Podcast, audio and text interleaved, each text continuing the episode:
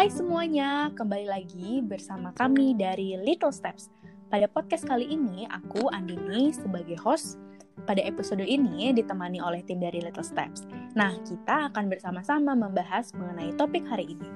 Boleh kenalan dulu yuk kakak-kakak. Halo semuanya, aku Vena. Halo, aku Anggi. Hai, aku Nisha. Ah, nah, kita udah kenalan nih. Nah, sebelumnya udah empat bulan nih kita WFH. Gimana nih kabar kalian semua? Baik, Kodin. Baik, Andi ini gimana? Baik juga nih.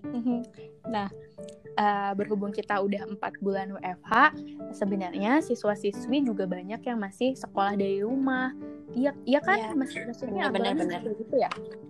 Iya, ada Mm, beberapa sekolah belum bisa. belum bisa mulai sekolah dengan kondisi ini, uh, semua juga jadi lebih sering pakai gadget ya. Kalian gimana? Iya, Aku sering banget. seharian banget. Mm-mm. Iya seharian depan laptop. Nah itu juga sebenarnya uh, dirasain sama mulai dari orang tua yang bekerja di rumah pasti sering pakai gadget, sampai bahkan anak TK pun pakai gadget untuk uh, melakukan kegiatan sehari-hari mereka gitu. Bahkan untuk dengerin podcast ini aja kita harus pakai gadget. Iya bener sih. Ya, bener banget. Nah, dengan perkembangan teknologi yang udah sebaju, semaju ini dan juga eh, di mana kita lagi ngehadapin pandemi, membuat gadget itu nggak bisa dilepasin dari kehidupan sehari-hari kita. Ya, iya. Hmm, sebenarnya emang sih gadget itu sangat membantu kita dalam kehidupan sehari-hari. Tapi banyak juga nih orang tua yang mulai khawatir eh, karena penggunaan gadget yang berlebihan untuk anak mereka. Gitu. Nah, bahkan nih suatu penelitian itu melaporkan bahwa rata-rata anak itu menggunakan gadget untuk bermain game daripada menggunakan untuk hal lainnya gitu. Nah, penelitian lainnya juga nih bilang kalau misalnya anak itu lebih eh, merasa senang atau lebih menyenangkan bagi anak untuk bermain game daripada bermain dengan teman sebayanya. Sebenarnya kan kalau ini bakal ngasih dampak ya sama anaknya. Iya sih pasti. Iya. Sebenarnya gimana sih penggunaan gadget pada anak ini? Nah, sebetulnya penggunaan gadget pada anak tuh punya dampak positif dan negatif yang mempengaruhi psikologisnya. Hmm, Kita bahas dulu ya dari dampak positifnya. Oke. Dampak positif dari penggunaan gadget itu salah satunya bisa memperluas wawasan anak. Nah, hal ini tuh bisa terjadi kalau misalnya anak menggunakan gadget sebagai media edukasi. Kalau misalnya anak belajar bentuk melalui tayangan video video di YouTube, nah itu kan bisa mengasah kemampuan kognitifnya, bisa uh, menambah wawasan baru buat anak kayak gitu. Benar sih, otomatis gitu ya. Mm-mm. Mm-mm.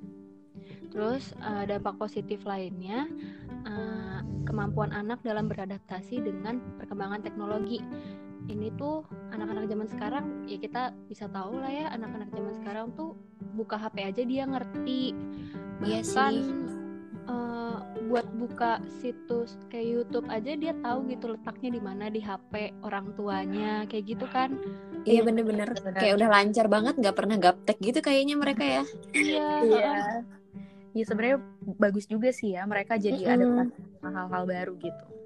Mm-mm.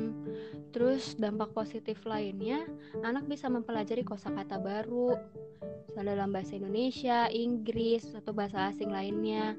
Eh, ini kalau misalnya anak-anak main games kan suka ada beberapa kosakata ya kayak game over, Oh, loading, Oh iya iya iya. iya. starting kayak kayak gitu.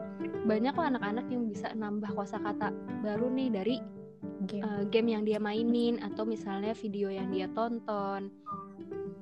iya terus, benar. Anak juga bisa mempelajari banyak hal yang nggak diperoleh dari lingkungan dan di lingkungan rumah atau sekolah kayak gitu kalau menggunakan gadget karena kan wawasannya luas gitu yang dibahas Iya. Iya sih. Betul. Nah, itu tadi dampak positif dari penggunaan gadget. Sebenarnya banyak juga ya. iya cukup banyak kok asalkan si anak tuh diberi pendampingan selama menggunakan gadget sih Iya, Iya, karena harus harus tepat juga ya. Kalau berlebihan bahaya juga. Mm-mm. Hmm, Kalau dampak negatifnya kira-kira apa aja ya? Nah, tadi kan positifnya kalau pas ya, berarti kalau negatifnya kan berarti kalau berlebihan kayak apa? Salah satu dampak anak berlebihan banget nih bermain gadget adalah e, berdampak pada kondisi fisiknya gitu. Jadi biasanya kan anak-anak selalu duduk diam doang ya, duduk diam ngetik di Iya, iya laptop benar-benar. atau enggak mungkin main HP. Nah, jadi sering banget ada keluhan-keluhan dari orang tua yang bilang anaknya kalau disuruh nulis tuh kaku banget, tulisannya bener-bener kayak apa ya? Hmm, Kayak hmm, hmm. oh, atau enggak mungkin anak-anaknya secara fisik kurang bugar jadi kalau misalnya duduk mungkin jadi bongkok atau mungkin kalau disuruh olahraga tuh gampang lelah kayak gitu Oh, gitu. Kayaknya aku juga kayak gitu deh sekarang, Fan.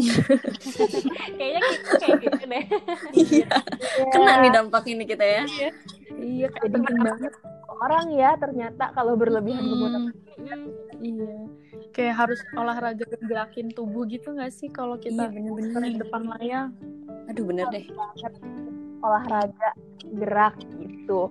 Nah selain misalnya dampaknya ke fisik, ternyata ada dampak lain nih, yaitu ada berdampak pada hubungan interpersonal atau komunikasi pada anak tersebut. Kan kalau misalnya pakai gadget, jarang interaksi sama orang ya jadinya Iya, kayak di depan sih. laptop aja atau nggak di depan komputer aja. Fokus Nah jadi begitu ketemu orang tuh kayak apa ya? Kayak kikuk mungkin ya kayak harus ngapain nih, harus ngomongin apa, harus bertingkah lakunya seperti apa sih kalau ada orang lain. Hmm, Banyak hmm, ya kayaknya anak-anak kayak gitu sekarang. Iya sih, dan itu juga bahaya ya buat ke depannya ketika mereka nggak bisa berkomunikasi dengan lingkungan sekitar. Iya sih bener. Iya, heeh. Udah nyaman gitu ya maksudnya ya sama gadget mereka masing-masing ya. Iya, jadi bingung nanti nggak bisa ketemu lingkungan baru gitu. Iya, padahal Oke. anak-anak kan harusnya kalau misalnya masih remaja atau mungkin anak-anak awal, tugas perkembangan mereka kan harusnya membangun relasi dengan orang lain ya. Iya bener Explore banget. lah ya minimal ya. Betul betul. Nah, selain itu juga ada perilaku-perilaku yang suka muncul nih kalau misalnya anak kelebihan bermain gadget.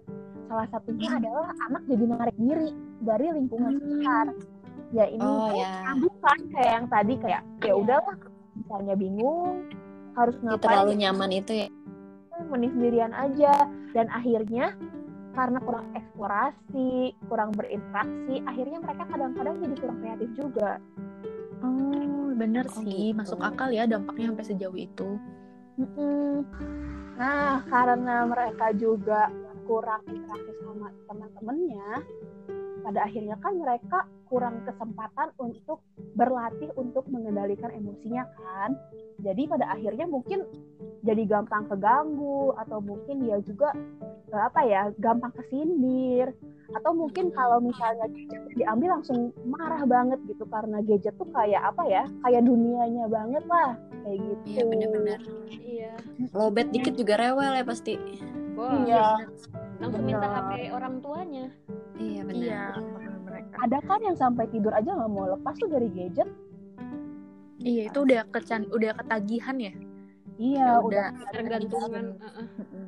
nah ngomong-ngomong soal ketagihan atau kecanduan sebuah penelitian itu juga menyebutkan nih kalau misalnya ketika anak-anak asik bermain gadget di waktu yang telah ditentukan itu pas eh, waktunya berakhir itu mereka suka jadi minta-minta waktu tambahan gitu loh kayak "Ah, coba mau minta 10 menit lagi dong mau minta 5 menit lagi dong 5 menit lagi 5 menit lagi kayak gitu Iya bener-bener. Nah, eh, perilaku itu tuh ternyata merupakan salah satu tanda dari efek kecanduan. Oh gitu ya. Ya, jadi misalnya ketika anak punya tenaga yang besar gitu ya, terus misalnya nggak boleh main gadget lagi, mereka bisa tiba-tiba agresif gitu loh, jadi langsung mukul atau mungkin teriak-teriak atau bahkan sampai yang nangis-nangis kayak yang nangis histeris gitu loh. Iya, Nah, iya. itu tuh Room ya. tanda-tanda iya tanda-tanda yang harus kita perhatikan wah jangan-jangan porsi bermain gadgetnya terlalu berlebihan nih karena udah sampai ketergantungan gitu loh Iya benar. Mm-mm. dan gangguan emosi seperti agresif ini yang mukul-mukul teriak-teriak itu tuh bisa jadi juga disebabkan karena pas lagi pakai gadget, anak tuh terpapar dengan konten-konten yang mengandung kekerasan. Oh iya benar-benar. Iya iya. Di YouTube ngeliat eh, video-video yang mungkin kalau dulu mah trennya Smackdown atau Oh iya betul. video-video yang nyiksa hewan. Nah makanya kita harus perhatiin banget nih kalau misalnya anak-anak lagi nonton, jangan diantepin doang, tapi orang tua harus lihat itu anak lagi nonton apa. Bahkan kalau misalnya main video game, video gamenya juga harus dipilih-pilih nih. Kan ada ya video game yang kontennya mungkin kayak pembunuhan, atau mungkin pemerkosaan, penyiksaan, kekerasan. Dan itu kan sebenarnya nggak dibolehin ya buat dimainin oleh anak-anak di bawah umur. Iya benar sih, karena mereka masih belum bisa tahu ya mana yang benar dan salah gitu. Mm-mm, makanya harus Tapi dilakuin gitu aja. ya. Ini video bisa ditonton sama umur berapa, dia bisa dimainin dengan umur berapa. Seperti itu Iya. untuk kekurangannya.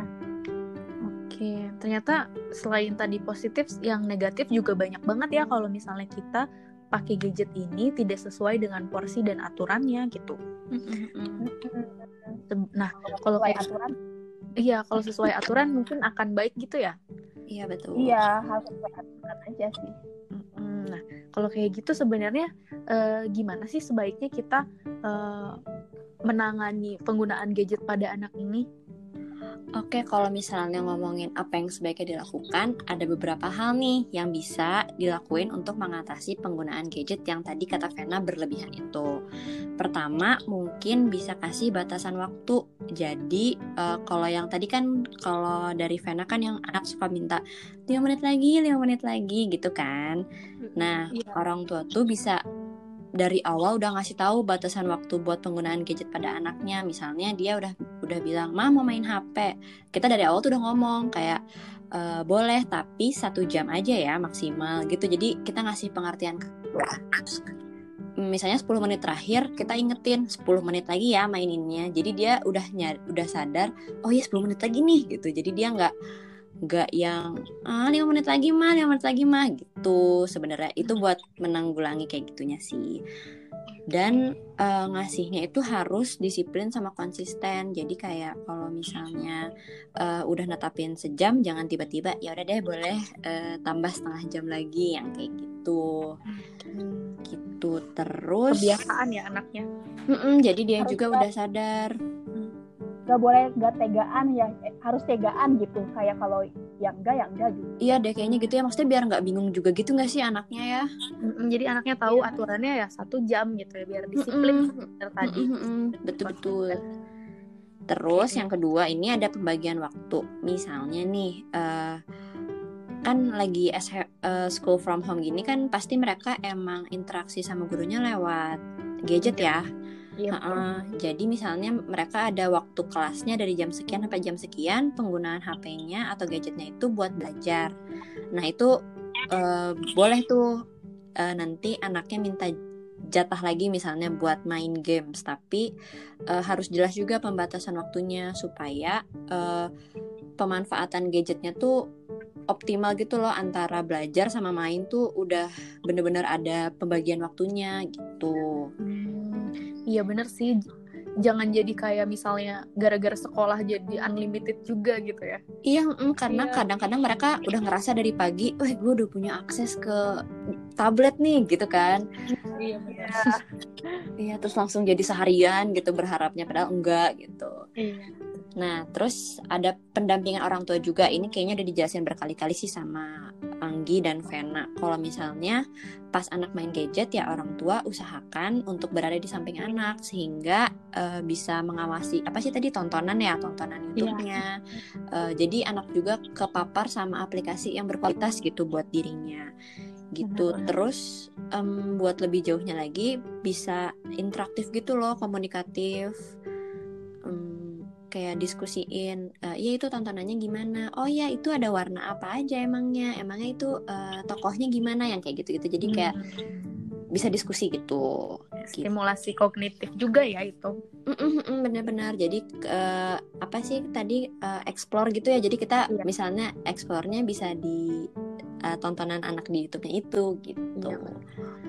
terus ada juga pemberian alternatif kegiatan Nah, uh, kita tuh bisa kayak istilahnya ngasih distraksi gitulah dari anak pengen mainin gadgetnya. Jadi, orang tua itu bisa membuat alternatif kegiatan yang bisa dilakukan di rumah untuk mengisi waktu senggangnya.